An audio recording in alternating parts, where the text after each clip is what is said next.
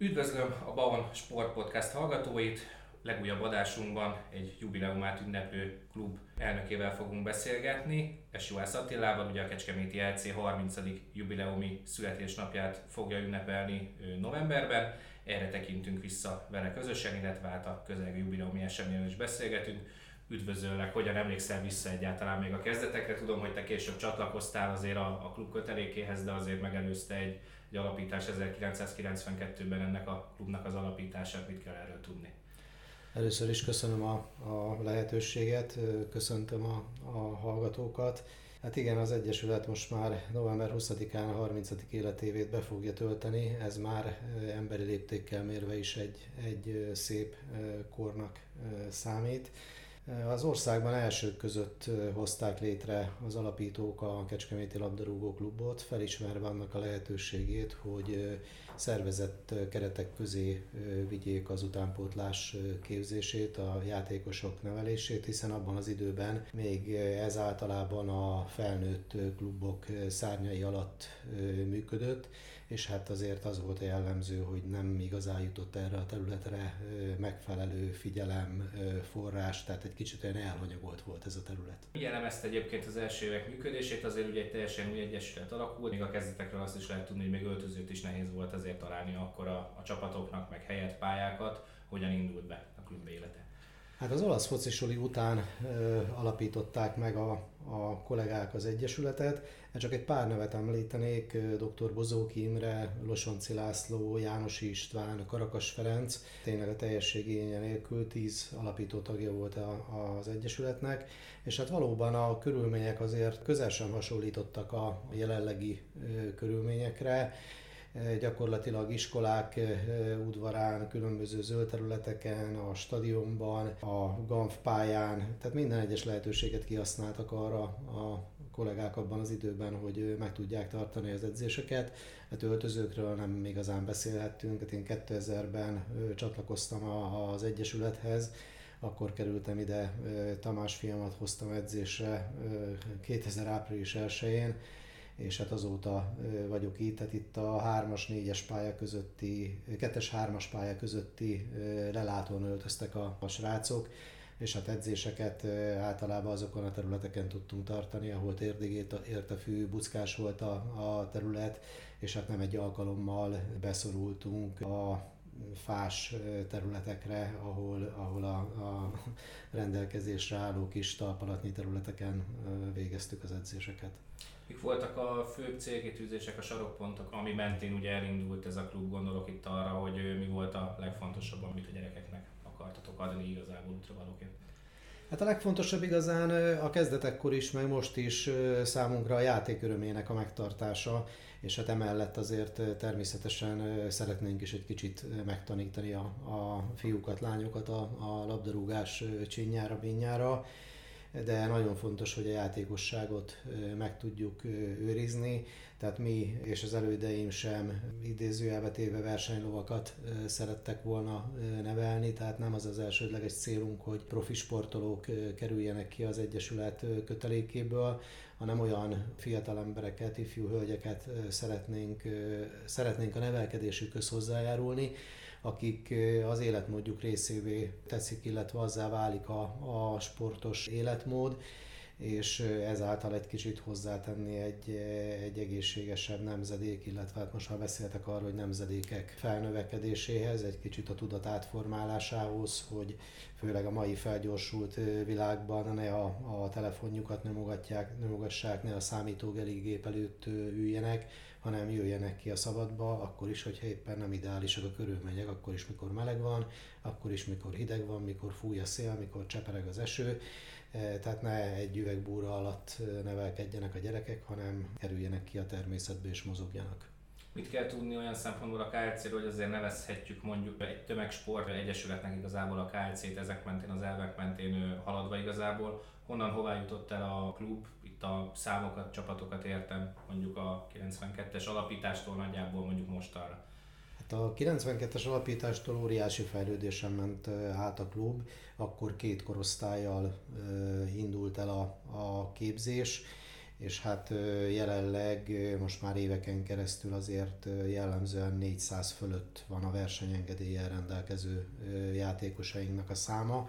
Azért az Egyesület, a Kecskeméti Labdarúgó Klub azért már a kezdetekben is egy kicsit próbált több lenni, mint, mint a tömegsport.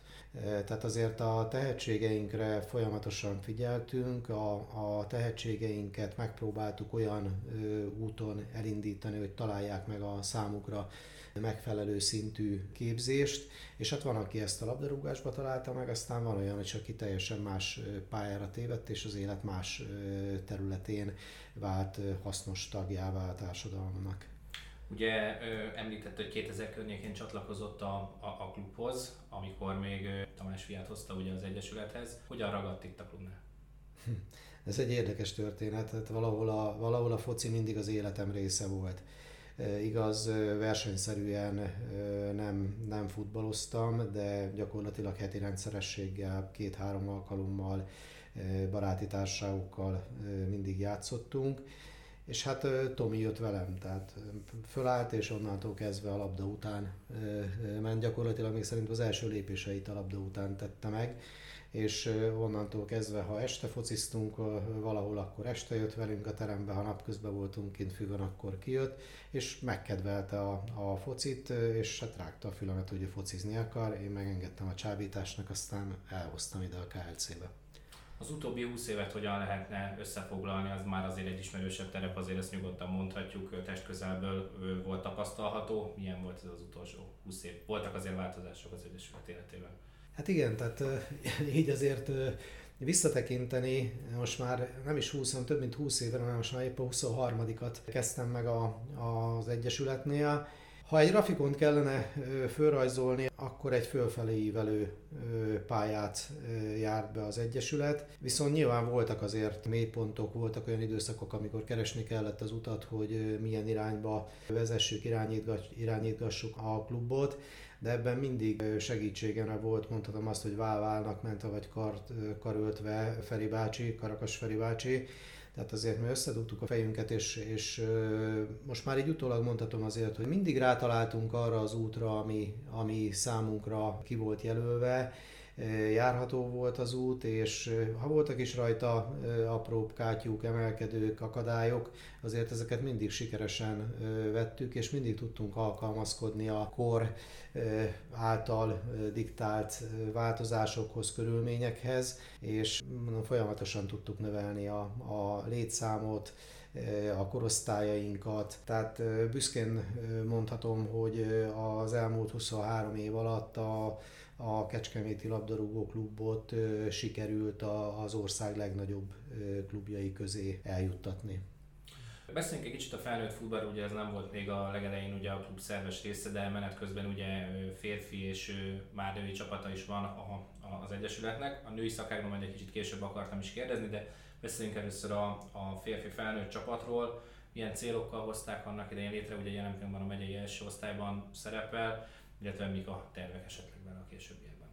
Ugye egy érdekes dolog az utánpótlás nevelés, tehát az 5 éves gyerekből előbb-utóbb 18-19 éves fiú vagy férfi lesz, és nem találták meg a hely, helyüket nagyon sokan, tehát nem találtak csapatot, ahol tudták volna folytatni a focis pályafutásukat, és akkor döntöttünk úgy 2005-ben, hogy indítson az Egyesület akkor a megye 3-ban felnőtt csapatot, és hát ez a felnőtt csapat a KLC-s nevelésű játékosokból állt össze.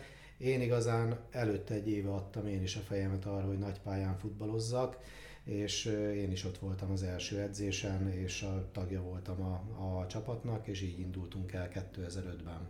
Jelen pillanatban, a megyegybe szerepel a csapat, milyen további céljai vannak esetleg az Egyesületnek a, a felnőtt futballal, illetve továbbra is az a célja, hogy inkább a helyi nevelési játékosoknak adjanak lehetőséget, teret? A játékosság megtartása mellett a másik sarkalatos pont az Egyesület céljai között az, hogy elsősorban a saját nevelésű felnőtt kort elérő játékosainknak adjunk lehetőséget. Tehát egy kicsit mi más vagyunk, mint a jelenlegi megye egyes csapatok többsége tehát nálunk most is és az előző években is döntően, szóval sőt mondhatom azt, hogy szinte 100%-ban saját nevelésű játékosok találhatóak meg. Hát ebből adódóan a szereplésünk az nem kiegyensúlyozott, mert hiányzik a, a fiatalokból ugye mindig a rutin, nekik kell azért jó pár mérkőzés, mondhatom azt, hogy jó pár év, mire a, a megyei első osztály színvonalát megszokják, hozzászoknak a, a kicsit gyorsabb, kicsit keményebb, kicsit férfiasabb játékhoz, és hát vannak, van olyan, hogy olyan mérkőzéseket veszítünk el, amit nálunk rutinosabb csapatok simán megnyernek, de hangsúlyozom, nem a helyezés a, a, az elsődleges számunkra, hanem az, hogy a saját nevelésű srácaink futballozzanak. Beszéljünk egy kicsit a női szakágról, hiszen ugye a Kecskeméti Egyesületek közül a KLC-nél működik szervezet keretek között ugye női és lány labdarúgás. Hol tart a fejlődésben jelenleg a leány és női labdarúgás a KLC berkein belül, illetve a városban? Úgy gondolom, hogy a, a, az országban szintén az elsők között ismertük fel annak a, a lehetőségét, hogy csatlakoznunk kell a, a női foci népszerűsítése érdekében az MLS által meghirdetett projektekhez, és az e, kezdetek óta, hát szégyellem magam, pontosan emlékszem az évszámra, de ezt talán 2016-tól női kiemelt képzési központként veszünk részt a, a női futball népszerűsítésében. 2016-ban 16 hölgyet igazoltunk át a Kecskeméti Női Labdarúgó Egyesületből, amit Szabó Erika vezetett. Szegény nagyon, nagyon egyedül maradt, gyakorlatilag mondhatni azt, hogy támogatók nélkül, amit ő egyedül meg tudott valósítani, azt elérte addig a, a leányfociban. Tehát abszolút dicséretes, amit Erika véghez vitt, és életben tartotta ezt a, a női egyesületet, és szerintem mi pont jó időben vettük fel a, a kapcsolatot vele, és hát egy év volt, amikor a 2015-ben a KTN-nek biztosították a felnőtt csapatnak a szükséges női illetve utánpótlás csapat versenyeztetését, és hát ugye 2016-tól pedig átigazoltak hozzánk. A célunk az az volt, hogy egyre több kislányt hozzunk be a, a fociba, és a 16 főből mára már több mint 100 lányunk van az Egyesületnél. A Bozsik korosztályokban is versenyeznek, ugye még az U7-ben nem nagyon, ott egy pár kislány van, de már az U9-ben, U11-ben már önállóan vesznek részt és a regionális bajnokságokban szerepelünk, U14, U16 és U19-es korosztályban, és mellett a, a női felnőtt csapat, és hát most azért az büszkén mondhatom el, hogy jelen pillanatban az U16, U19 és a felnőtt csapat is vezeti a, a tabellát. A korábbi években is az U14 egymást követő években bajnokságot ért el, U16 és az U19-es jó eredményekkel szerepelt a bajnokságban. Hova lehet egyébként a fejlődési pálya itt a női labdarúgásban, ugye ez egy aktuális téma a magyar labdarúgásban, ugye a Magyar Labdarúgó Szövetség is próbálja egyre kiemeltebben kezelni. Itt látható, hogy akkor helyben nő a létszám, de hova futhat ez ki akár helyi szinten még? Hát a cél mindenképpen egy felnőtt csapat versenyeztetése a nemzeti bajnokság harmadik vagy második vonalában. Ugye szó van arról, hogy elindítja a Labdarúgó Szövetség a nőknél is a, az MB3-at, jelen pillanatban MB2-be lehet nevezni. A céljaink között szerepel a közeljövőben vagy MB3-as, vagy MB2-es női csapat indítása, amire már ugye jó alapot ad a jelenlegi női keret, illetve a U16 és az U19-es csapatból majd egy kicsit, kicsit idősödő játékosok. Ja, november 21-én ünnepli majd szervezett keretek közt az Egyesület a 30 éves jubileumát, kicsit beszéljünk erről a rendezvényről, mit lehet róla már tudni. Hát úgy gondoltuk, hogy a, a 30 év az már, az már egy meghatározó életkor akár egy ember, akár egy, egy szervezet életében, és az az ötlet fogalmazódott meg bennünk, hogy próbáljuk ezt méltóképpen megünnepelni. Igazán ugye nekünk nincsenek olyan létesítményeink, ahol ezt meg tudnánk tartani egy ilyen rendezvényt.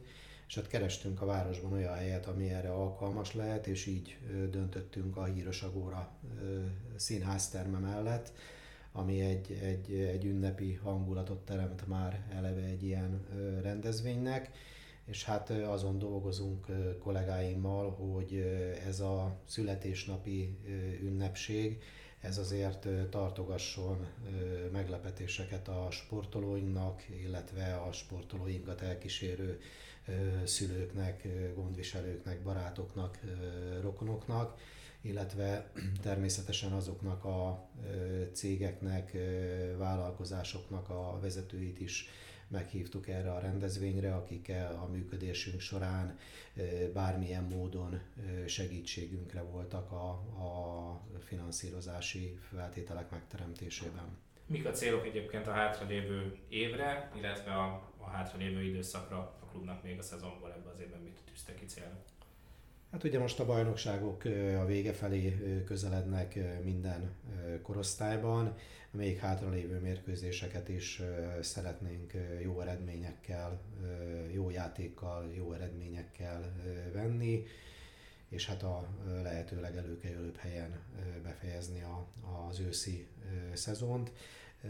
Emellett tehát nagyon fontos, hogy ezek sérülések nélkül kerüljenek lejátszásra ezek a mérkőzések, és hát a lehető legjobb eredményt tudják elérni a fiúk. Utána jön egy, egy rövid kis levezető időszak, és december közepén gyakorlatilag fognak, szünetelni fognak az edzések, és majd jövőre kezdjük újra, de hát ugye addig itt van előttünk a, a november 21-i születésnapi ünnepségünk, rendezvényünk, illetve hát azt követően majd a szokásos karácsonyi évzáró.